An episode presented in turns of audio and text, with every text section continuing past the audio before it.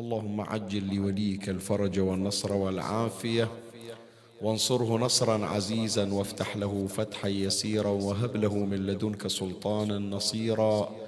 رب اشرح لي صدري ويسر لي أمري واحلل عقدة من لساني يفقه قولي. يا كاشف الكرب عن وجه أخيه الحسين اكشف كربي بجاه أخيك الحسين. نادي عليا مظهر العجائب تجده عونا لك في النوائب كل هم وغم سينجلي بولايتك يا علي. يا علي يا علي يا أبا الغوث أغثني. يا فارس الحجاز أدركني بلطفك الخفي ولا تهلكني. يا مولاتي يا فاطمة بنت محمد أغيثيني يا سيدي. صلى الله عليك يا سيدي ويا مولاي يا رسول الله.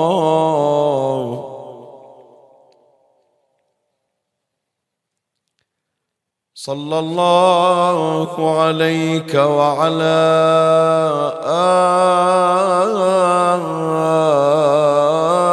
آلك الطاهرين.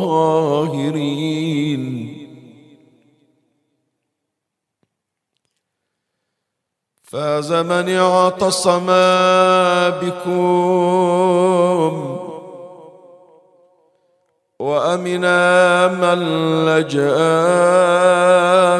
إليكم. يا ليتنا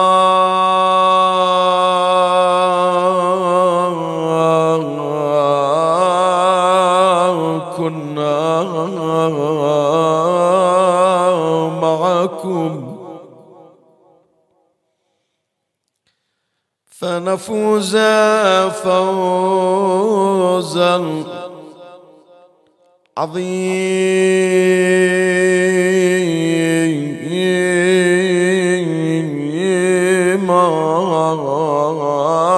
يا غريب يا مظلوم كربلاء. لم أنس يوم عميد الدين دس به لجعدة السم سر العابد الوثاني. كيما تهد من العليا دعامتها فجرعته الردى في جرعة اللبن. فقطعت كبدان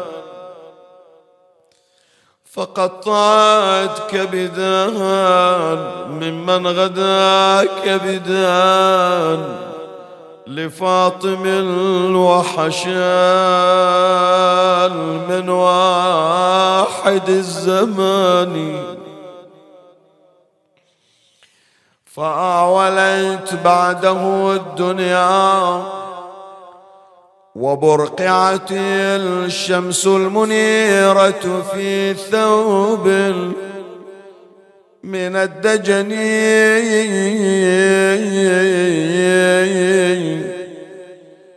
من مبلغ حيدر الكرار ملتدبا.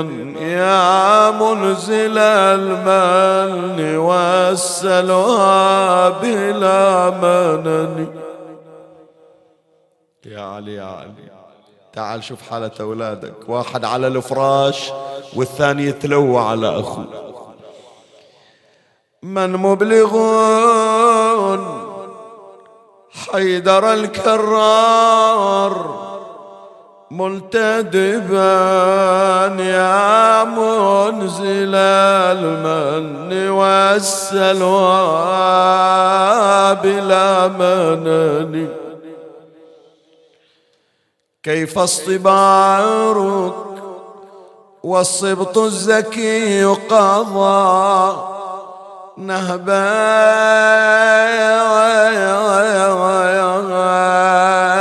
لحقد ذوي الأضغان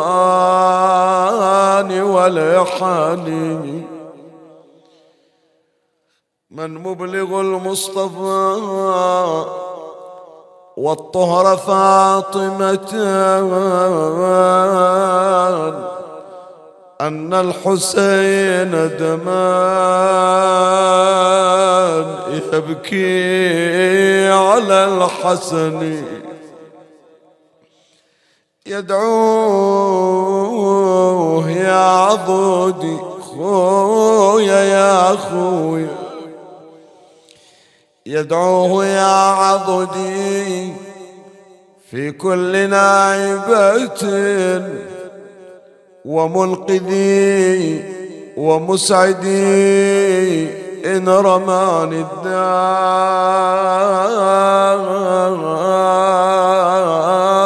بالوغني. الله. سبحان الله مثل هالليلة الكل يشتاق إلى هذا البيت والكل يشتاق إلى هذا الطور.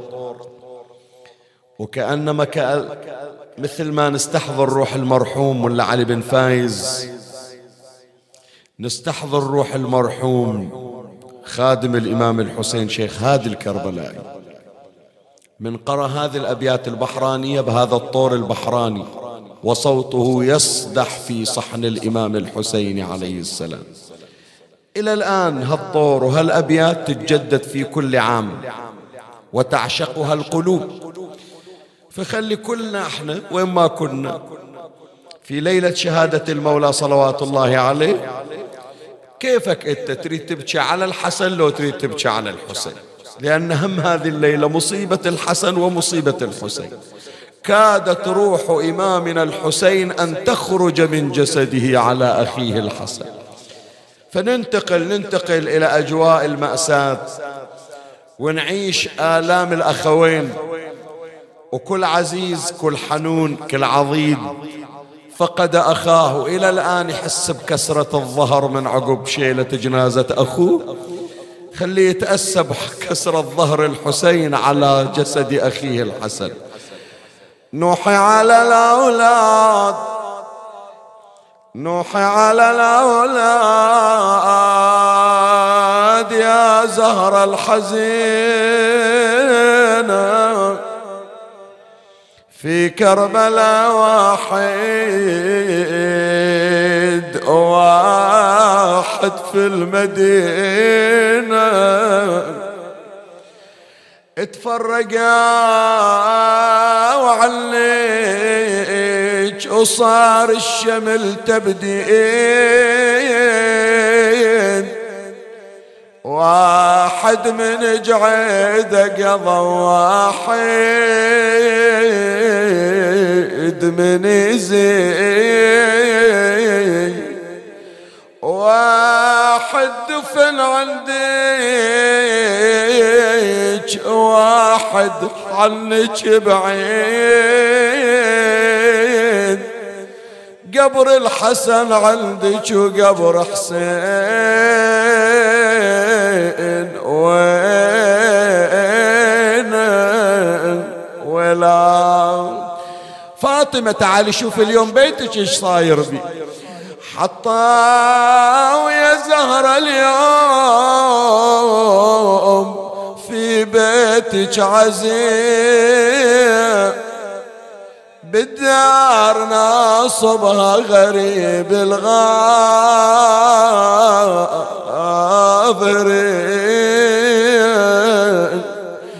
يبكي على خي الحسن مسموم خير. ليتك يا زهرة اليوم حالة تنظرين إلا فقد أخوه ويتذكر شلون شافه على المغتسل. وقال ما تدفنون إلا أول أضم لصدري وأقبله. خليه يتأمل هالبيت. ليتك نظرتين الحسن في صدر الحسين. مسند له بصدره ويجري دمعة العين. والكل منهم حاضن الثاني بالايدين ويقول هذا القدر الباري. علينا عشاق الحسن عشاق الحسين. وعشاق الحسين عشاق الحسن. اليوم أريد من عندك دمعة تنزل على الحسن ودمعة تنزل على الحسين. اليوم اكسر العادة الفطرية والإنسانية. عادة العين تبكي ثنتينهم سوا. أنا أتمنى الليلة عين تجري على الحسن وعين تجري على الحسين. لو يحصل بيدي والله أسويها. شوف الأم الحنونة حضرت إلى الولدين. روح الزهرة حضرت للحسن وحضرت للحسين. لكن يوم إجت روح الزهراء إلى الحسن شافت الراس على الجسد. لكن روح مولاتي فاطمة يوم راحت إلى كربلاء تزور الحسين شافت الجسد بلا رأس. كأنها تقول له يا وليدي إيش سواك بهالحال؟ كنت أشيلك على صدري كنت أرقصك بيدي كنت أقبلك على خدك. وين خدك يا أبو علي? يقلها خاوف اسولف ليج ومنك ترتفع ونا يما عزيزك مات يم فرات قطرة ما شرب منه. يما بدال الماي بدال الماي دم نحري صار الشيبة حنة. يما قلت لهم اسقوني ماي ولا واحد إجا ما إجاك أحد أبو علي؟ ولا مر عليك واحد يسأل إيش فيك ليش توين؟ قال يما جاني واحد. يا يما قلت لهم اسقوني ماي. عطشان انقصف عمري اجاني واحد بسيف وتربى على صدري. يا ريت ما طلبت من عنده ماء يمه ليش؟ يما بدل الماي يا زهرة بسيف ظل يحيز.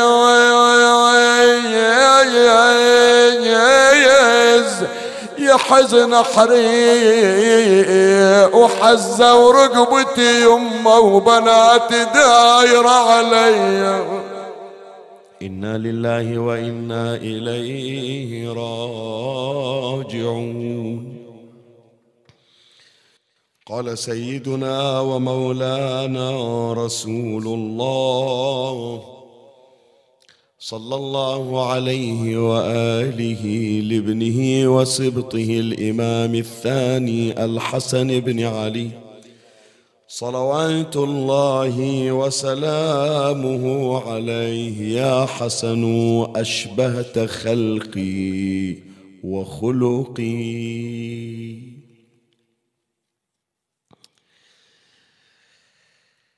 عنوان محاضرة هذه الليلة ونحن نعيش في رحاب الإمام الحسن عليه السلام والقلوب تزداد شوقا كما ازدادت عشقا لسماع اسمه عليه السلام وللتعرف على سيرته العطرة. صلوات الله عليه. لا أخفيكم يا أحبائي كما لاحظتم أنتم. يعني يمكن أبنائنا الآن الشباب الصغار الأولاد فتحوا أعينهم على هذه الحالة. لكن اللي بأعمارنا وأكبر من عندنا لاحظوا أنه في السنوات الأخيرة صارت حالة عشق إلى ذكر الإمام الحسن منقطع النظير. المجالس في ازدياد على الإمام الحسن أكثر. القلوب يعتصرها الألم لمظلومية الإمام الحسن عليه السلام أكثر.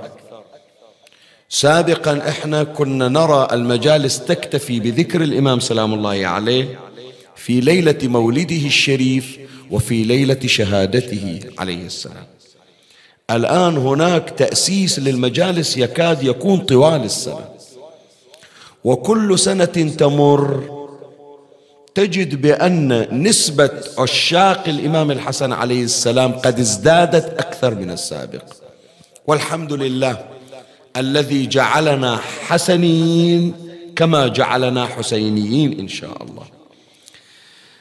فهذه الليلة سوف نعيش في رحاب الإمام الحسن عليه السلام. وكما تعلمون أني أحرص على أن أستوفي حق المعصوم بأكبر قدر وبمنتهى الطاقة التي يزود يزودني بها الله تبارك وتعالى ويمدني بها أهل البيت عليهم السلام. فحريص على أنه كل مجلس من المجالس الأربعة يحمل محاضرة مستقلة. عنوان محاضرة هذه الليلة الإمام الحسن عليه السلام والجمال الأسري. شو نقصد بالجمال الأسري؟ شوف كثير من عندنا يرى نفسه مبتلا بالأسرة التي نشأ فيها. بعض من عندنا والبعض هذا ليس بقليل يعني من كثرة الرسائل التي تجي والاتصالات أحيانا يعتبر نفسه مبتلا مبتلا بأم مبتلا بأب مبتلا بإخوة مبتلا بأخوات مبتلا بزوجة مبتلا بأولاد أو بنات. إلا ما وصل إلى درجة الإحساس بالإبتلاء في بعضهم يعتبر الأمر روتيني كلاسيكي. أنا فتحت عيني شفت هذا أخويا هذه أختي الله أعطاني هالولد هذا. هذه أمي هذا أبويا. فيقول ما يخالف هذه حياة أجزرها. في بعضهم يقول لو يحصل لي أنه أنا أتبرأ مثل ما يحاول بعض من السينمائيين ومن أصحاب الدراما أنه يزرع هذه الفكرة حتى انغرست في أذهان بعض من أولادنا وبناتنا. ترى أقدر أتبرى من عندك؟ أقدر أروح مثلا إلى بعض المحاكم أو بعض كذا التوثيقات وأقول أنا فلان لا يمت لي بصلة وأتبرى من عندك. ومثل ما يسمعونها البعض في أفلام أو كذا أحرمك من الميراث. هذا الكلام ترى مو صحيح. أنت لن تتبر لن تتبرأ منه حتى لو تبرأت ولن ينفك عنك. لا زال هذا الشخص قريبا لك ورحما لك. ولا زلت ملزما به وهو ملزم بك. شئت أم أبيت. وهذا ابتلاء. إحنا ما نريد نتوسع بهذا الأمر. قلت لك المحاضرة المجلس الشريف حول الإمام سلام الله عليه. بس غرضي من أثير هذا الأمر ويسمعني لعله البعض من أحبتي وأبنائي وبناتي وإخواني وأخواتي ويعيشون حالة المشاكل الأسرية. الليلة نحن على سفرة الإمام الحسن عليه السلام. ونريد نشوف كيف كان الإمام الحسن صلوات الله عليه يتلذذ بعلاقته مع أسرته؟ شيء منقطع النظير. ما آخذ الجانب المظلم والجانب السوداوي في الأسر. أحيانا قد واحد عنده مشكلة ويا أخ لكن علاقته جيدة ويا بقية الإخوة. أحيانا يمكن البعض مستاء من أبيه لكنه عاشق لأمه وبينه وبين أمه علاقة صداقة حميمية. يعني مشكلته ويا فرد من أفراد الأسرة. بينما تجي أنت الليلة كما ستسمع إن شاء الله ترى الإمام الحسن عليه السلام في منتهى الجمال مع كل أفراد أسرته مع جده مع أبيه مع أمه مع إخوانه وأخواته وكما ست وكما تعلمون وستعلمون يا أحبائي. بأن الإمام الحسن عليه السلام عنده إخوة وأخوات غير أشقاء يعني هؤلاء الإخوة ليسوا من أمه فاطمة عليه السلام.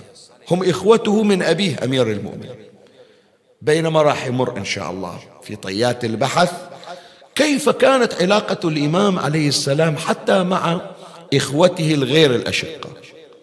هذا اللي أطلقت عليه بالجمال الأسري. نريد يا إخواني علاقاتنا ويا أسرتنا من الليلة تحمل الصبغة الحسنية. تنظر إليها من منطلق الجمال. تمتلك الفخر والاعتزاز بأن هؤلاء هم أسرتك. حتى ولو حدث شيء من المشاكل الله يبعد المشاكل. دائما تمثل بعلاقة الإمام الحسن عليه السلام مع أسرته.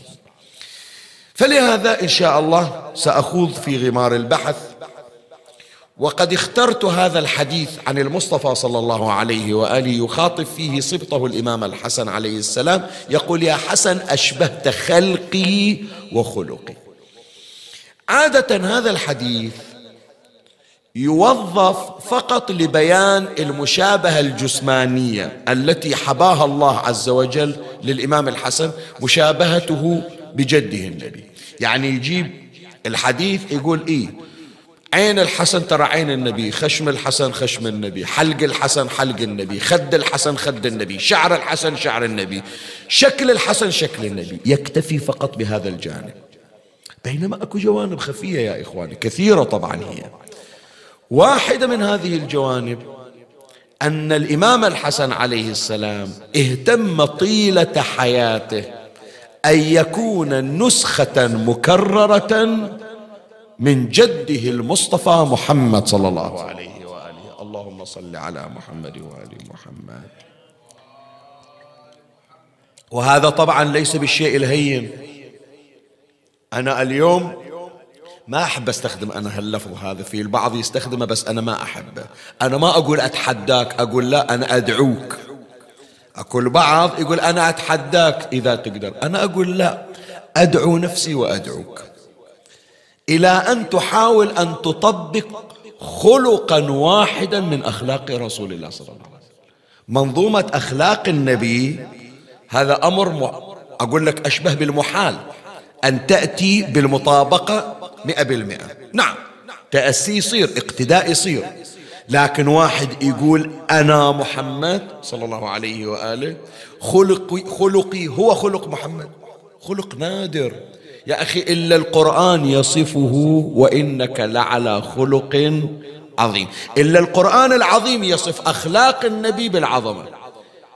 فلهذا يقولون أخلاق النبي القرآن خلقه القرآن. شلون القرآن عظيم؟ أخلاق النبي عظمتها من عظمة القرآن. أنا وين أقدر أقول أني أنا القرآن؟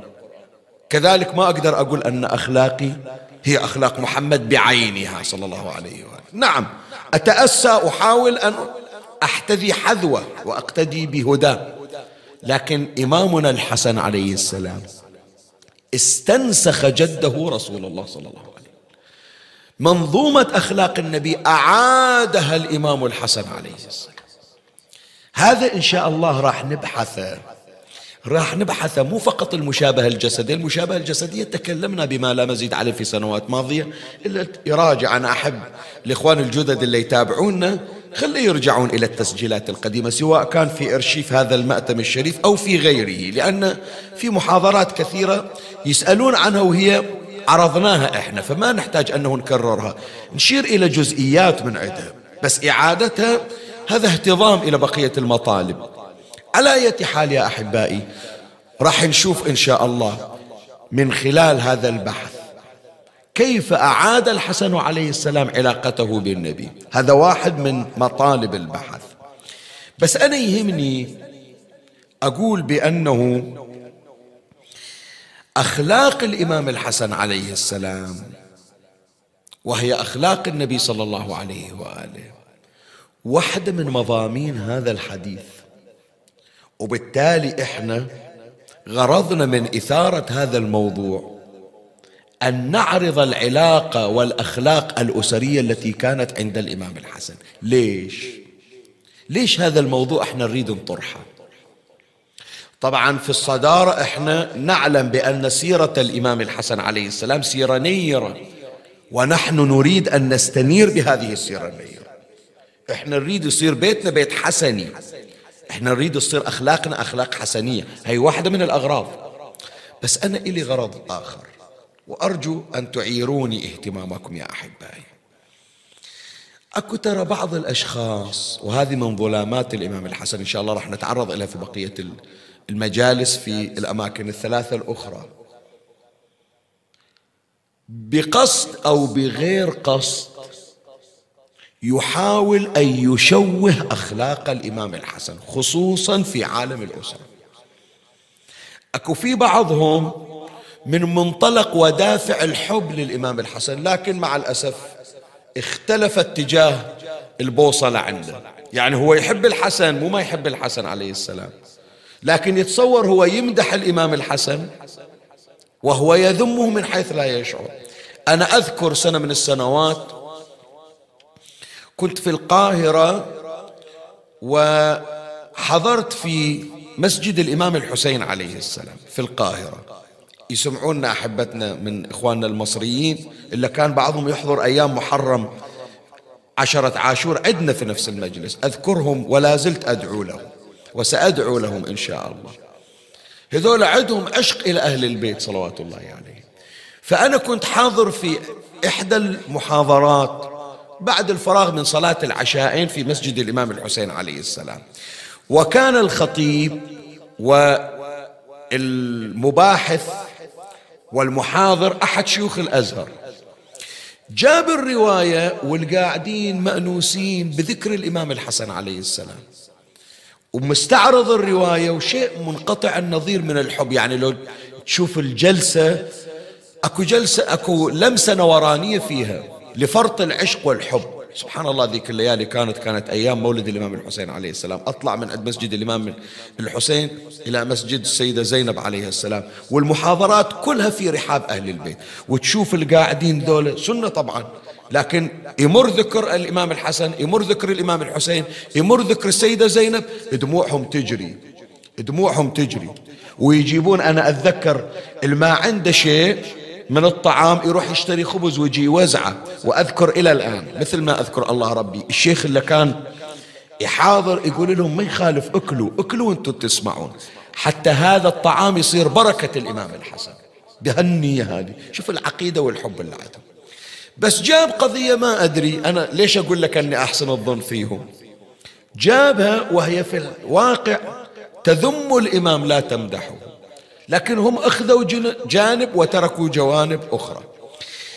الخطيب أو الشيخ الأزهري ذكر بأن الإمام أمير المؤمنين عليه السلام صعد المنبر ذات يوم وقال لا تزوجوا ولدي الحسن فإنه مطلاق.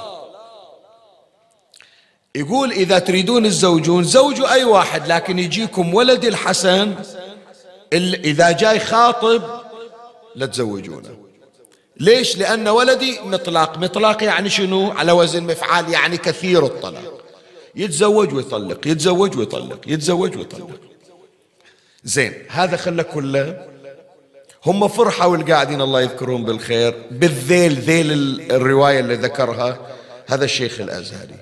يقول من عرض الإمام أمير المؤمنين عليه السلام هذا الطلب لأهل الكوفة لا تزوجوا ابني الحسن فإنه مطلق. القاعدين قالوا أنرغب عن الانتساب برسول الله صلى الله عليه وآله بل نزوجه. يقول وين إحنا نحصل القرب من نسب رسول الله؟ خله يطلق. بس أهم شيء نكون إحنا نصاهرة وتصير عندنا علاقة نسبية أو سببية برسول الله عن طريق الإمام الحسن. يعني إحنا ما راح ننفذ كلامك يا علي. نزوج الحسن حتى لو راح يطلق بناتنا. فطبعا القاعدين فرحة وش قد يحبون الناس الإمام الحسن ويصرون على تزويجه. بس هذه الرواية يا إخواني مفتعلة ومفبركة. مستحيل إحنا نقبلها. تدري ليش؟ لعدة أمور. أنا مو في صدد مناقشة الرواية بس ما أريد أنه تفوت من غير أنه أسلط الضوء عليه. واحدة من الأسباب يا إخواني هل تتصور هذا الموقف صحيح أن يصدر من أمير المؤمنين عليه السلام. أنا الآن كأب عندي مشكلة ويا ولدي. يصير أجي إلى كرباباد أو إلى كرانة أو إلى مكان قدام الناس يا جماعة ترى ولدي فيه كذا فيه كذا فيه كذا. هذا يصير. أنتوا يا القاعدين كآباء تسوونها تفضحون أبنائكم في المجالس. وين إذا منهج الإسلام ومنهج النبي؟ من مدح من نصح أخاه سرا فقد زانه ومن نصحه علانية فقد. وين هذه التربية؟ وأهل البيت أهل التربية. أنت عندك شيء يا أمير المؤمنين؟ اقعد ويا ابنك وسولف وياه. فأنت تفترض من هذا الشق شنو؟ لو أن أمير المؤمنين ما كلم الإمام الحسن ومباشرة إجا فضح وهتك سترة قدام الناس وهذا معيب في حق الإمام أمير المؤمنين. عدل لو لا أو نفترض شيء آخر أنه أمير المؤمنين نصح الإمام الحسن والإمام الحسن ما قبل فيصير الإمام الحسن عاق. صحيح لو لا؟ فكلا الحالتين ما نقبل هذا الكلام. هي واحدة.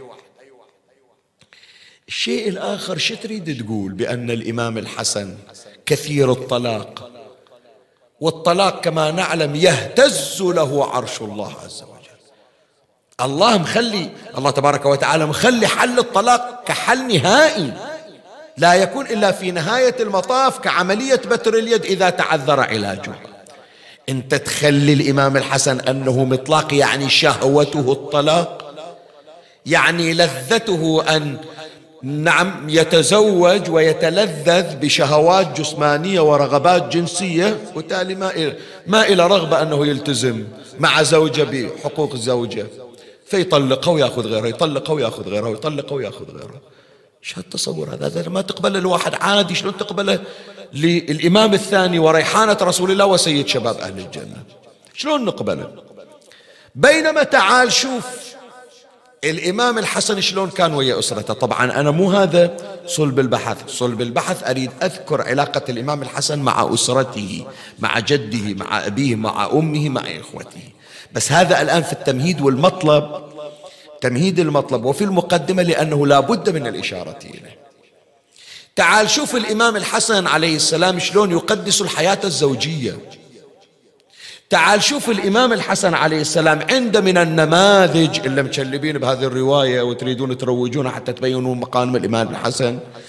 بينوا شلون كان الإمام الحسن عنده احترام حتى مع المؤذية من زوجاته. وهذا راح يمر إن شاء الله. واحدة من النماذج أو واحد من النماذج.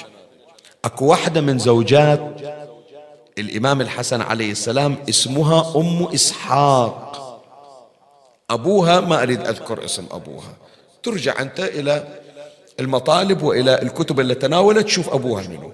بس أبوها عنده موقف من أمير المؤمنين وعنده موقف من الإمام الحسن. بينما بنته وهي زوجة الإمام الحسن يعني أمير المؤمنين يصير عمها أبو زوجها. والإمام الحسن زوجها في الوقت اللي أبوها عنده مشكلة ويا عمها ويا زوجها. شوف شلون الابتلاء. هذه عوض أن تكون عدوة للعم وللزوج. كانت من أكثر زوجات الإمام الحسن حبا وولاء. له ما لها شغل بأبوها. لها شغل في الله. وعلمت بأن الله لا يرضى إلا برضا محمد وآل محمد صلوات الله عليه. لهذا ضحت بكل شيء واشترت الإمام الحسن عليه السلام. اسمها أم إسحاق. تدري الليلة ليلة شهادة الإمام الحسن عليه السلام؟ واحدة من وصايا الإمام الحسن. أوصى الإمام الحسين بأن يتزوج من بعده بزوجته أم إسحاق. قال له أبو علي دير بالك عليها لأن هذه من أموت. وأطلع من الدنيا. أهلها راح يرجعونها. وهي امرأة موالية تحبنا أهل البيت. وأهلها لا. قلوبهم عداء. مليئة بالعداء لنا فأنا ما أريدها تتأذى. أفكر فيها من بعد عيني بس إذا ظلت عندنا في البيت لا راح تصير في رحاب أهل البيت. وهذا يدخل على قلبها السرور وين اليوم واحد يا إخواني يفكر بهالمستوى يقول بعد موتش راح يصير مصير زوجتي؟ ففعلا ترى بعد انقضاء أيام العدة الإمام الحسين عليه السلام تزوج بزوجة أخيه الإمام الحسن وهي أم إسحاق وأنجب منها ولدا قيل اسمها اسمه جعفر مات في حياة الإمام الحسين عليه السلام. وأم إسحاق كانت حاضرة في كربلاء وكانت من ضمن المسبيات في واقعة الطف. هذا يا إخواني اللي نفكر أنه بس يتزوج ويطلق وفكر بس في الطلاق وفي الشهوة وفي الغريزة الجنسية عندها الهم وهالحرص وهي زوجاته حتى من عقب موته. هذا الجمال في الأسرة عند الإمام الحسن عليه السلام. لا خلي أذكر لك شيء أكثر من هذا. حط بالك لهالقضية هذه. أن هذا عارضنا في مجلس الدعيسي في قرية الدين في شهر رمضان وفي غير شهر رمضان. ما ظهر أنا طرقت إلى في موسم عاشوراء هذا العام.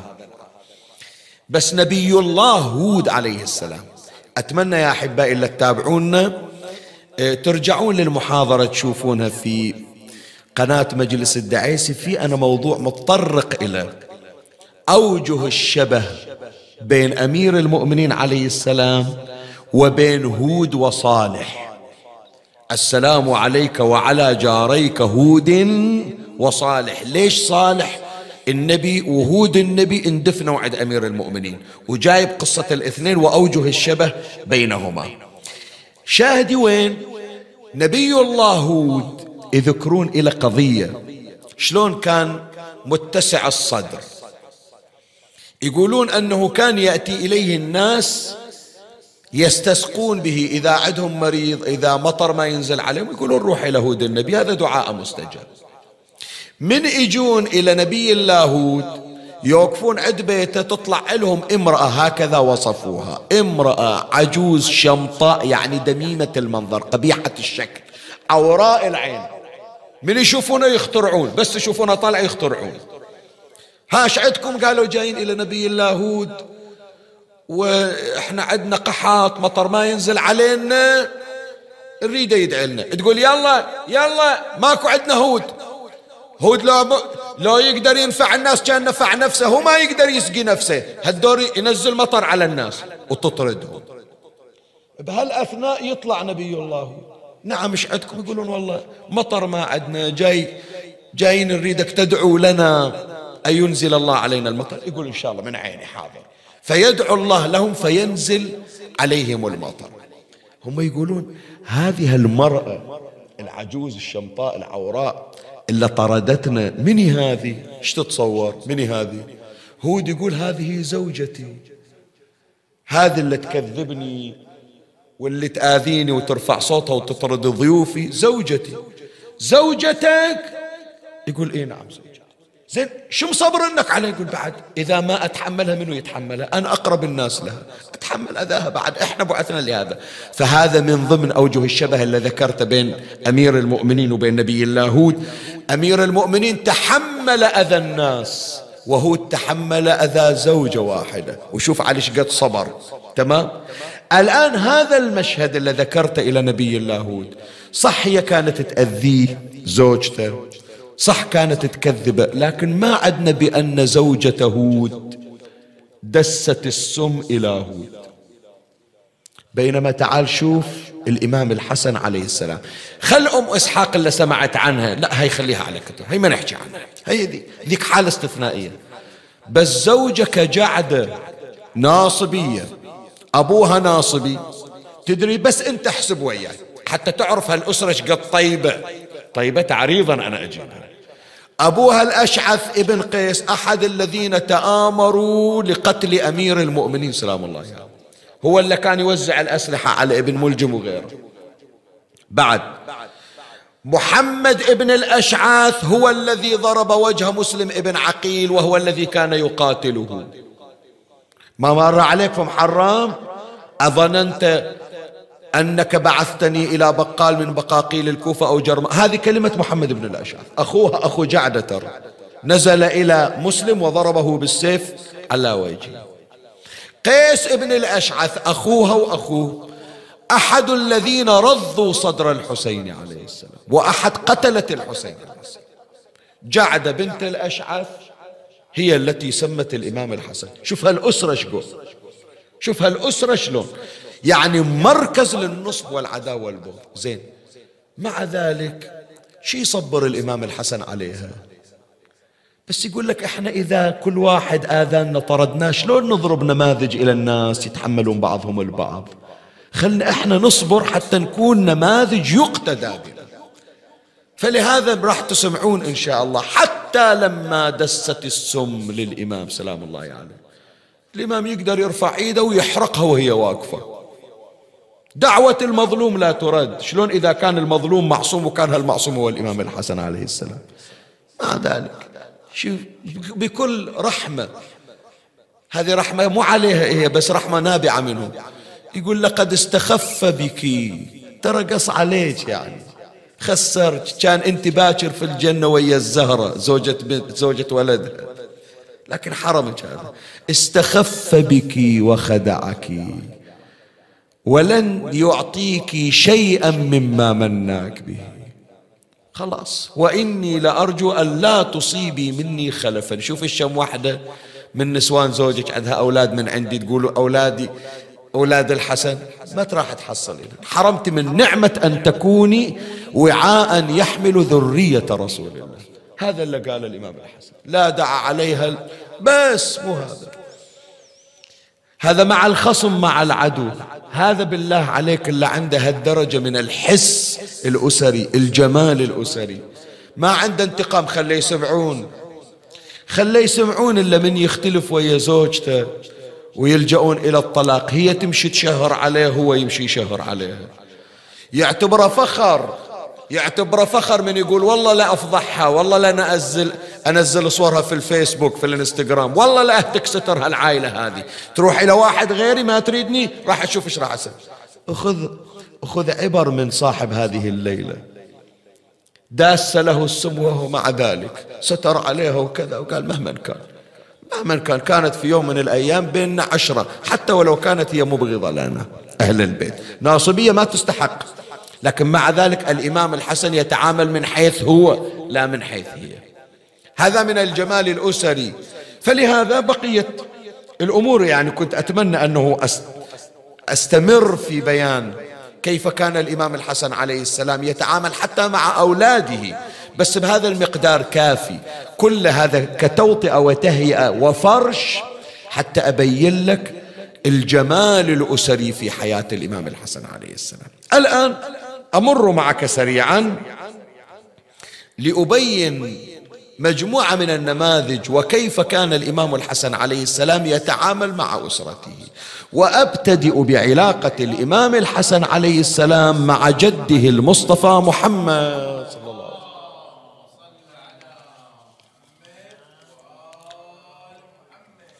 شوف حالة الحب التي كانت بين النبي وبين الإمام الحسن عليه السلام.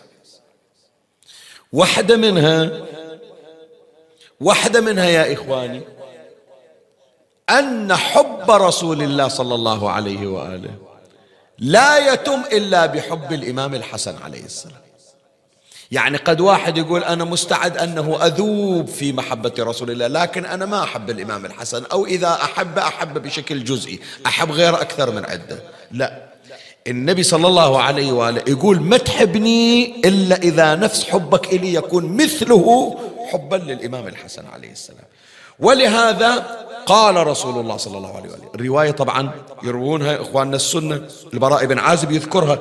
يقول قال رسول الله من أحبني فليحبه. يعني اللي يريد يحبني خلى بمقدار حب إلي يحب ولدي الحسن عليه السلام. بعد الأنبياء كل واحد إلى عنوان. إبراهيم خليل الله موسى كليم الله عيسى روح الله. نبينا صلى الله عليه وآله شو يسمونه؟ حبيب الله. مو تمام؟ في زيارة وارث السلام عليك يا وارث محمد حبيب الله صلى الله عليه وآله. النبي من زود حبه إلى الإمام الحسن. أراد أنه يصير الحسن حبيب الله مثل ما أن النبي هو حبيب الله. فلهذا دعاء النبي صلى الله عليه وآله اللهم إني أحبه فأحبه. يعني يا ربي أنت أنعمت علي فرزقتني حبك وجعلتني حبيبا لك أتمنى مثل ما أنا حبيبك ابن الحسن يصير حبيبك شوف إيش قد العلاقة خاصة بين الإمام الحسن وبين جده النبي. بحيث النبي إذا صلى يجي الإمام الحسن عليه السلام ويصعد على ظهر النبي. النبي يطول في السجود يطول في السجود يطول في السجود. بعدين يجون الصحابة يسألونه يقولوا له يا رسول الله طولت في السجود شنو السبب؟ يقول ارتحلني ولدي الحسن. هذا العبارة جدا جميلة. شنو يعني ارتحلني الجمل الجمل يسمونه راحلة. راحلة الشخص يعني يصعد عليه يستخدمه للرحيل يستخدمه دابة للرحيل. فلهذا كانوا يقولون إلى الحسن والحسين نعم الجمل جملكما. لأن النبي يقول ارتحلني. يقول ارتحلني الحسن يعني صعد على ظهري. فكرهت أن أزعجه. ما أريد أضيق خلقه. زين ما راح أضيق خلق الحسن. بالعكس بس يقول حتى ولو بمقدار شعره ما دام هو مرتاح على ظهري خله. وهذا فيها أسرار يا إخواني هي صلاة النبي صلى الله عليه وآله. لكن تمام صلاة النبي أن يدخل السرور على قلب ولده الحسن. شقد عظيم بأبي وأمي. بعد الغريب يا إخواني أكثر من هذا. حتى في وقت أذى رسول الله. تدري النبي صلى الله عليه وآله في وقت الموت كان في حالة جدا متعب متعب. تدري متعب إلى أي حد؟ متعب النبي ما يقدر يطلع يروح يصلي في المسجد يصلي في البيت. كل المصادر سنية وشيعية تقول بأنه آخر الأيام النبي صلى الله عليه وآله قال للمسلمين صلوا بمفردكم. أنا ما أقدر أطلع. إذا راد النبي يقوم يحتاج إلى اثنين يعضدون إلى أمير المؤمنين والفضل بن العباس. ما يقدر يوقف. في اللحظات الأخيرة وقد ثقل حال النبي أكثر وأكثر. إجا الحسن والحسين فانكبا على صدر رسول الله صلى الله عليه وسلم. أمير المؤمنين أشفق على النبي عرف بأن النبي ما عنده طاقة ما يقدر ما يقدر وضعه ما يتحمل. فراد يخفف على النبي. يريد يشيل الحسن والحسين. تدري يقول النبي مفاد كلام رسول الله صلى الله عليه وسلم. يقول حتى لو أكو أذى خل الأذى علي. بس لا تشيل الحسن ما دام الحسن يرتاح خليه مرتاح حتى لو أنا أتألم. أتألم ما يخالف بس إيش قد يحبه هذا معنى في الصلاة يخاف يكدره. في المرض مرض الموت يخاف يكدره فلهذا يقول لأمير المؤمنين يا علي دعهما ولا ترفعهما ودعني أشمهما ويشماني وأقبلهما ويقبلاني فإنهما يصبحان يتيمين غريبين. الله أكبر. هذه فكر فيها بعد. أبوهم موجود اليتيم ما يسمونه يتيم إلا إذا فقد الأب. بس تقول لا من رحت عنهم راح يصيرون يتيمين وبالفعل أحسها باليوم هذه علاقة الإمام الحسن عليه السلام مع جده المصطفى حب النبي له. تعال شوف شلون كرر الإمام الحسن نموذج النبي. شلون حلم رسول الله؟ ليس مثله ليس مثله حلم. إلا آذوا النبي صلى الله عليه وآله يقول لهم النبي اذهبوا فأنتم الطلقاء الإمام الحسن هالشكل ده يسبونه ويشتمونه. يأتيه رجل من أهل الشام ويفرغ عليه سبا له ولأبيه أمير المؤمنين. بالله عليك إحنا من نجي نقرأ. يعني أنا أقول لك هذا الحلم الحسني أنت دائما تسلط الضوء على الكرم الحسني. سلط الضوء على الحلم الحسني.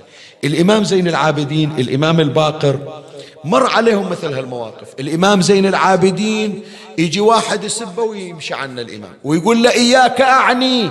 يقول له وعنك أغضي.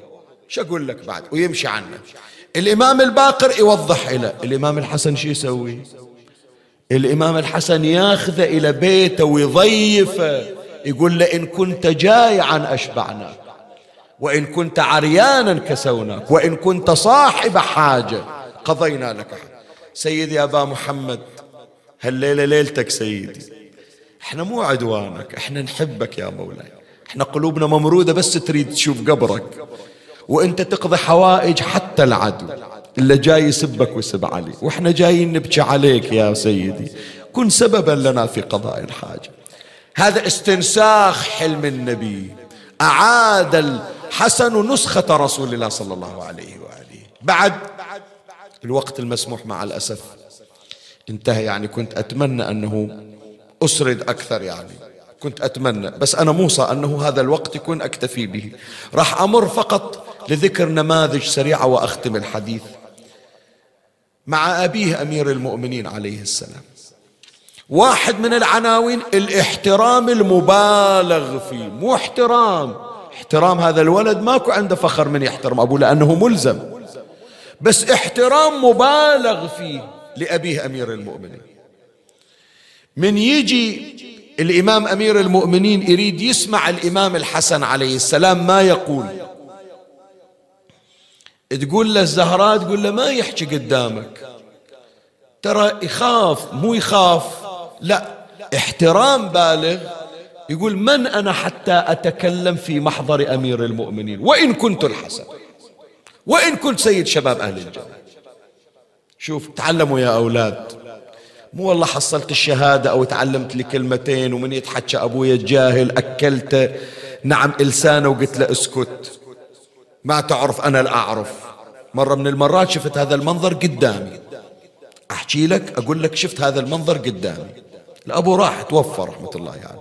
الولد بمجلس قال له قال له يا أبوي اسكت لا تتكلم أنت ما تعرف تحكي. قدام الناس. وشفت ال... صدقنا إحنا قاعدين على السفرة ذيك اللقمة بعد ما طافت. تنغص عليه زين مهما تعلمت علمك إيش قد مقداره؟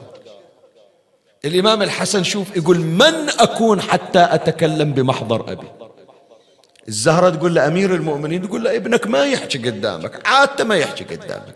فشي يسوي أمير المؤمنين؟ يقول له أنا أدري ولدي مؤدب ويحترمني بشكل مبالغ فيه. لكن أنا راح أسوي شغلة. شلون؟ يجي أمير المؤمنين ويصير ورا الباب قال خله من يجي يسولف إيش قال جده في النبي من غير ما يشوفنا حتى ياخذ راحته. فيأتي أمير المؤمنين ويسبق الحسن ويتوارى علي خلف الباب. ويجي الحسن كعادته يريد يحكي الأمة كلام النبي صلى الله عليه وآله. هل مرة من إجا كلما أرادت الزهراء من الحسن أن يتكلم ساكت. تقول له ليش ولدي كل مرة أنت تحفظ كلام جدك وتجي تسولف إلي؟ إيش اليوم ساكت؟ فيقول لها يا أماه كل لساني وقل بياني لعل سيدا خلف الباب يرعاني. أنا أشوف أبوي علي بنور القلب أي باب اللي يحجب نور علي عني؟ وهذا يا إخواني أنا أول مرة أقولها على المنبر. عاملوا آباءكم في غيبتهم كمعاملتكم في حضورهم لا تقول حطيت أبويا في القفر في القبر ودفنته.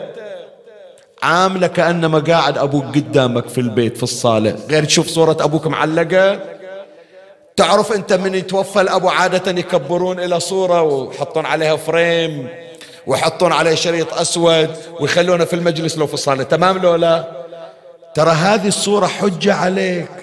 صوره مو أنا جايبها بس للذكرى. والله هذا مكان أبونا. لا الصورة هذه حجة عليك يعني أعامل أبي في غيابه كما أعامله في حضوره.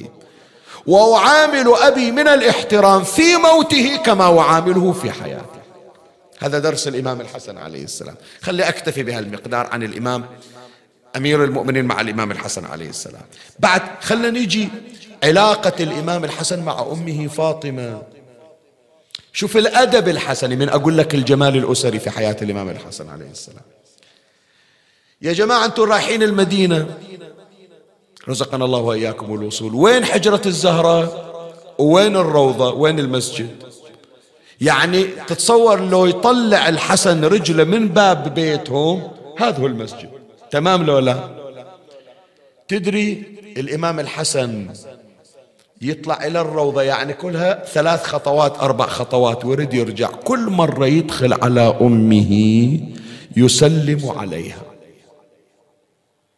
خلي يعرفون اللي مر شهر شهرين ما سلم على أمه ولا سأل عن حالها وهي مريضة. يطلع الحسن أقول لك يروح الروضة. هذه يعني الحجرة في صفه. واقف يصلي كأنما على باب الحجرة. لكن من يشوف أمه في كل مرة يسلم عليها. هي الزهراء شو ترد عليه؟ مو بس برد السلام بأجمل العبارات والكلمات. هذا وين نقرأ؟ نقرأ في حديث الكساء. من يدخل السلام عليك يا أمة. زين هو جاي من المسجد يعني واقف على الباب. هي شو تقول للزهرة وعليك السلام يا قرة عيني وثمرة فؤادي. شوفوا الجمال الأسري في حياة الولد والأم. صلاة الليل من تصليها الزهراء.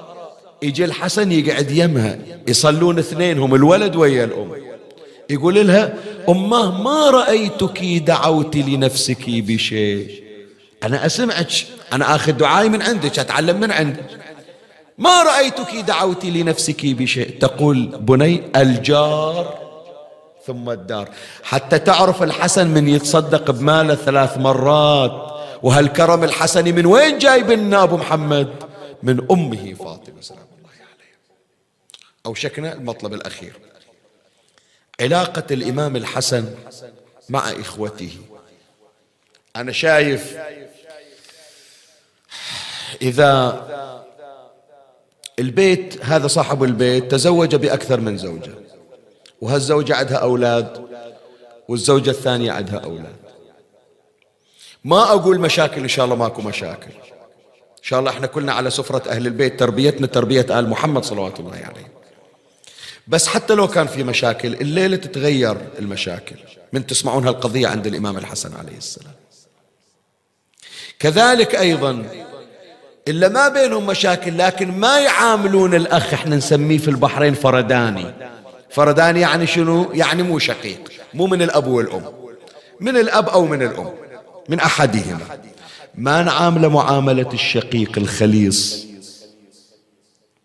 تدري أمير المؤمنين عليه السلام ليلة شهادته روحوا اقروا روحوا مروا اقروا واسألوا ليلة شهادته وصية خاصة للإمام الحسن بإخوته من غير فاطمة. لا تقول أبو محمد أمك الزهراء سيدة نساء العالمين وأنت جدك النبي وهذولا إلا أم سبية ولا أم أسيرة. وينها ما, ما ترقى حتى أنه يسمونها خادمة فاطمة بمقامها لكن مع ذلك خدمة الزهراء مرتبة عالية. لا تقول هذا ولد خدامتنا وإحنا أولاد الزهراء ما يعادلنا أحد لا. أنا أوصيكم بأولادي من غير فاطمة. ديروا بالكم عليهم. ديروا بالكم عليهم ولهذا تدرون يا إخوان أنا قليل أشوف يعني حتى أنا أقول لك مقصر في هذا الأمر. لولا فيوضات أهل البيت عليه. الليلة من ضمن وصايا الإمام الحسن تدري شنو؟ وصية خاصة للإمام الحسين بأخيه محمد ابن الحنفية. يقول له أبو علي دير بالك على أخويا محمد. ليش؟ لأنه ليلة شهادة أمير المؤمنين يوصي أمير المؤمنين الحسن والحسين بمحمد. يقول بني حسن بني حسين أوصيكما بأخيكما محمد فإنه ابن أبيكما وقد كان يحبه يقول أنا أحب ولدي محمد. أولادي ديروا بالكم عليه. صح أنتم أولاد فاطمة لكن أريدكم تديرون بالكم عليه. الليلة وصية الإمام الحسن للحسين. يقول له أبو علي دير بالك على محمد. ليش؟ يقول فإنه جلدة ما بين العين. يقول هذا عيوني عيوني. وينهم اللي شايلين بقلوبهم على محمد بن الحنفية واللي يحجون عليه. هذا وصية علي وصية الحسن وصية الحسين. وهذا درس كيف يتعامل الإمام الحسن مع إخوته غير الأشقاء شلون عجل إخوانه ويا أولاد الزهرة؟ أوخ أوخ خلاص عمي. اكتفينا بعد مجلسنا واكتفينا. تدرون هالمصايب يا إخواني اللي نقراها في سيرة الإمام الحسن؟ ترى هي دروس. عادة يا جماعة شوية خلنا ما يخالف نكشف المستور ونرفع الغطاء. اللي يمرض في المستشفى عادة يريد منه اللي يدير باله عليه خصوصا إذا كانت حالته حالة خاصة. غير زوجته وأولاده تمام لولا يقول ما أريد واحد يغير هدومي وما أريد واحد ينظف الله علي حتى إخواني أستحي من عندهم بس هذه مرتي ما بيني وبينهم مستور تمام لولا؟ أريد ولدي ولدي أمون عليه بس أخوي أستحي من عنده. عدل حج لولا؟ زين. الليل أنتم تسمعون وباكر تسمعون. من الذي كان يقرب الطشت من الإمام الحسن؟ كم ولد عند الإمام الحسن؟ كم زوجة عند الإمام الحسن؟ سامع واحدة من زوجاته إجت تقدم له إسعافات أو طبيب الحسن منه هو؟ الحسين ابن علي. زين. وضع إمامنا الحسن شلون؟ تقطعت كبده سبعة عشر قطعة. يا جماعة اللي عنده جرح واحد ينشغل عن مصايب غيره. شلون إذا كبدة متقطع 17 قطعة؟ مع ذلك تدري ما يبكي الحسن على كبده. يبكي الحسن على منو؟ يشوف الحسين يبكي يقول له أبا عبد الله أتبكي لا يوم كيومك؟ يا أبا عبد الله. يا أبو علي قاعد تبكي على حالي وعندي أخو وهو اللي يقرب الطشت. وكل قطعة تطيح من كبدي يبكي عليها. ويتمسح الدم من حلقي. يا حسين السهم المثلث في قلبك مو في الكبد بالقلب. وتريد تطلع ما يطلع. منو يجي يساعدك؟ أنا اللي أبكي عليك أبو علي لا يوم كيومك يا أبا عبد الله يزدلف لقتالك ثلاثون ألفا. يلا عمي. وين ما قاعد. الليلة تاخذ حاجتك من الحسن ومن الحسين. يقول له يا نور العين لا تبكي ولا تنوح. أنا على معزة عالج طلعت الروح. وأنت تظل بكربلاء بالشمس مطروح. ودعتك الله يا قطيع الرأس يا حسين. هذا البيت شلون جابه بن فايز؟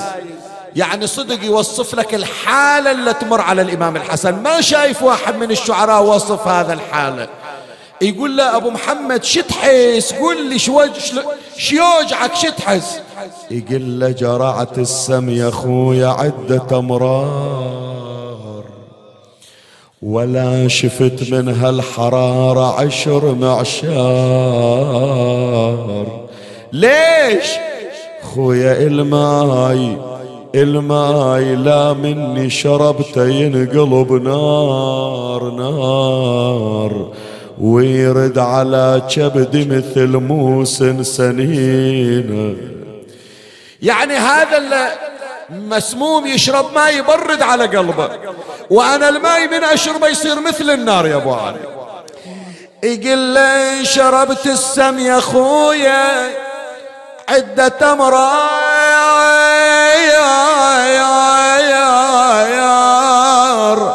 ولا شفت منها الحرارة عشر معشار. الماء لا من شربته ينقلب نار ويمر على كبدي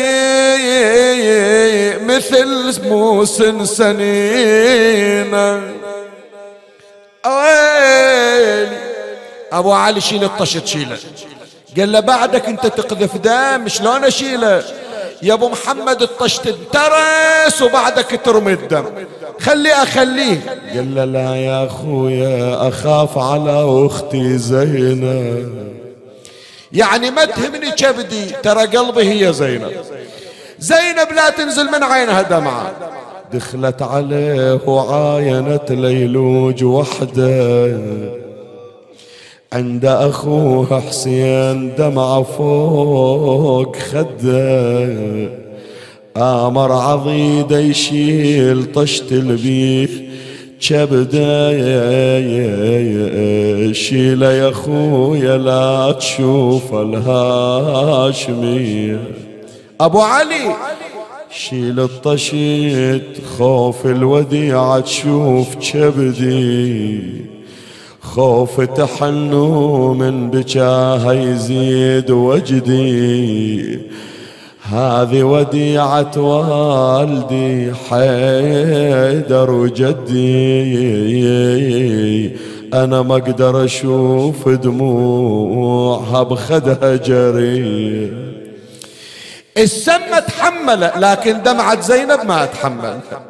أبو علي إلي حاجة. آمر أبو محمد شو تريد؟ بوصيك يا ابن أمي عقب عيني يكفلها. وبكل وقت يا حسين عينك دايم لها. يا يا تبقى تراهي ضايعة من عقب أهلها يا يا وتنظر جنايزكم براض الغاضرين. صدق إجا يشيل الطشت أبو أبو علي. يريد يشيله اثنينهم خايفين على اختهم بس ويا ما شال الطشت وراد يغطيه وإذا زينب طبت وهي العالمة الغير معلمة. قالت له أوقف أبو علي أوقف. أوقف لا تتحرك. وهلا على فراشه يسمع كلامي. تقل له يا حسين قل ليش هطشت بي أنا أشوفك عن عيوني مغطي. يقلها يا زينب لا تكشفي ترى كبد الحسن متقطع فيه يا أخوي. ما تقدرين. زينب ما تقدرين. كافي اللي شفتينا كافي المسمار اللي شفتينه بصدر أمك فاطمة. كافي أخوك المحسن اللي شفتينه يتعفر على الأعتاب. كافي راس أبوك علي شفتينه انفتح إلى نصفين يا زينب. بعد ما وجع قلبك قالت لا خلها خلها المصايب تنزل على قلبي. وما إجت زينب ورفعت الغطاء عن الطيشت وإذا بسبعة عشر قطعة من كبد الحسن. بس بعد بعد. بعد خليها حرق قلبك. الليلة عندها أئمة اثنين. عندها حسن وحسين. خايفين على مشاعرها خايفين على قلبها. يغطون الطشت عنها. والحسن يعني أول مرة أنا أحكيها قد سمعتوني أقرأ على الحسن ما قاري هالكلمة بذيك الساعة من يريد يتقيأ صار يحبس نفسه حتى زينب ما يتروع قلبها. بس أقول هالاثنين من الأئمة اللي خافوا على مشاعرها بصف بسبعة صفر سنة الخمسين. وينهم عن زينب بصفر سنة الواحد والستين يوم حطوا قدامها طشت فيه راس الحسين. وتشوف شلون الخيزرانة تنزل على رأس المولى. وتشوف شلون أضراس الحسين تتكسر قدامها. أسايلك يا أبو محمد وينهم إخوانك ما إجوا شالوا الطشت ذاك عن زينب؟ ذيك الساعة صحت يا حسين العمر لا طالت أيام. خويا الشام شيبني حتى الليل ما نام. ليش يا زينب؟ صاحت علي زيد الرجس طبيت وراس حسين قدامه ويضرب راسك قبالي وسالت دمعة عيوني. أهل العزاء عظم الله لكم ولد وبينما الأخت والأخ كانا عند أخيهما وإذا بالحسن قد اخضر لونه وصارت أنفاسه تتقاصر حتى أغمي عليه. ولما أفاق قال أخي حسين وجهني إلى جهة القبلة. يلا وين ما قاعد وين وين على الغريب؟ وين؟ كربلاء ما لزموا روحهم. قالوا ما يمنعش لازم نروح إلى الضريح. وإجت الناس مشاية ووصلت إلى قبر الحسين. بس وينهم المشاية اللي مشوا الليلة للحسن؟ يوقفون على الضريحة ضريحة مظلم حتى شمعة ماكو عليه بس وين ما قاعدين بيوتكم سووها بقيع. خلي الزهرة تحضر عندكم وتسمع الونة لا تمر على بيوتكم وتسمع سكوت. خلا تسمع في كل بيت حنين على ولدها الغريب. آجركم الله صار إمامنا يقرأ القرآن ثم انقطع صوته. وحينها مد رجليه وأسبل يديه ثم حانت منه التفاته إلى أولاده إلى زوجاته إلى أخواته إلى أبي الفضل إلى زينب إلى أخيه الحسين ونادى في أمان الله وأغمض عينه يا الله! وفاضت روحه الشريف. أيوه امامه أيوه حسن. شال أبو علي على ذراعه ودخل به إلى المغتسل. ولا يغسل وياها أبو فاضل. الله يعينك يا أبو فاضل. يا الغيور يا حبيب قلبي. ما ترضى على أولاد الزهرة. الآن تشوف أخوك شلون يتقلب على المغتسل. بس أحكي وياك يا أبو فاضل هذه تدري مو من عندي وأول مرة أقراها.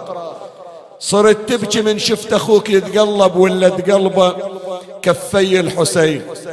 يا أبو فاضل لو شايف الحسين شلون يتقلب ولا تقلبه حوافر العوجية شي يصير بحالك؟ شوية حطوا جنازة الحسن في صحن الدار وصلى عليه الحسين. مسك الختام راح نختم بعد. ورفعوا الجنازة. النع الجنازة تريد تطلع من المنزل. ويا ما وصل النعش عند الباب.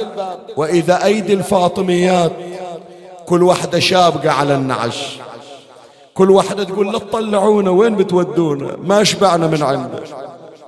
كأنما أرواح بنات رسول الله تريد تطلع من أجسادها من شافوا النعش يريد يطلع.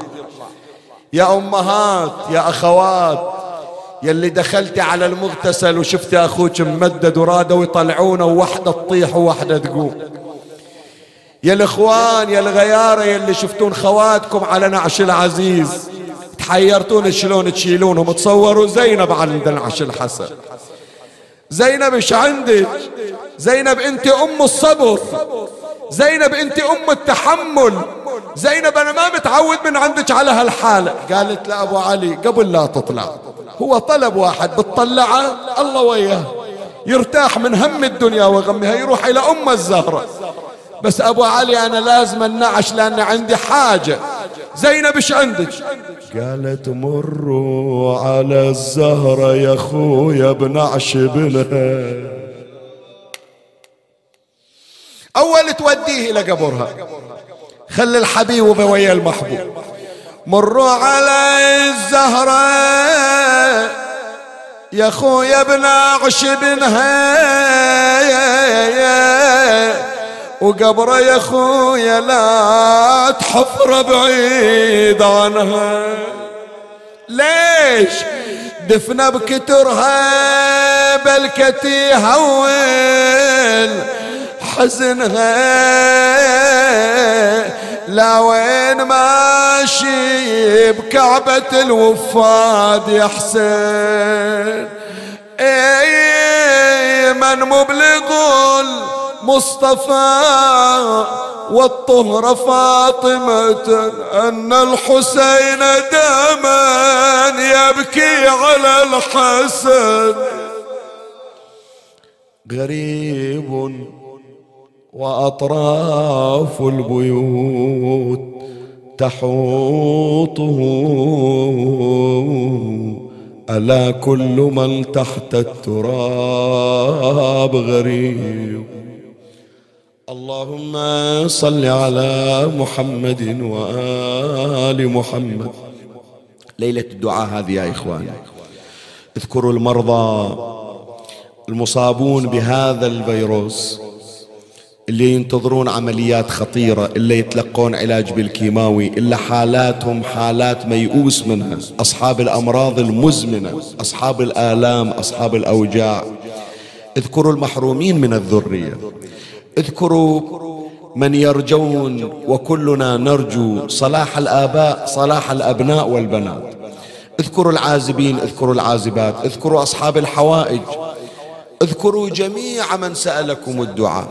قدموا حوائجهم قبل حوائجكم فإن نظرة الإمام الحسن تصل إليكم وهو كريم أهل البيت. بسم الله الرحمن الرحيم. أمن يجيب المضطر إذا دعاه ويكشف السوء.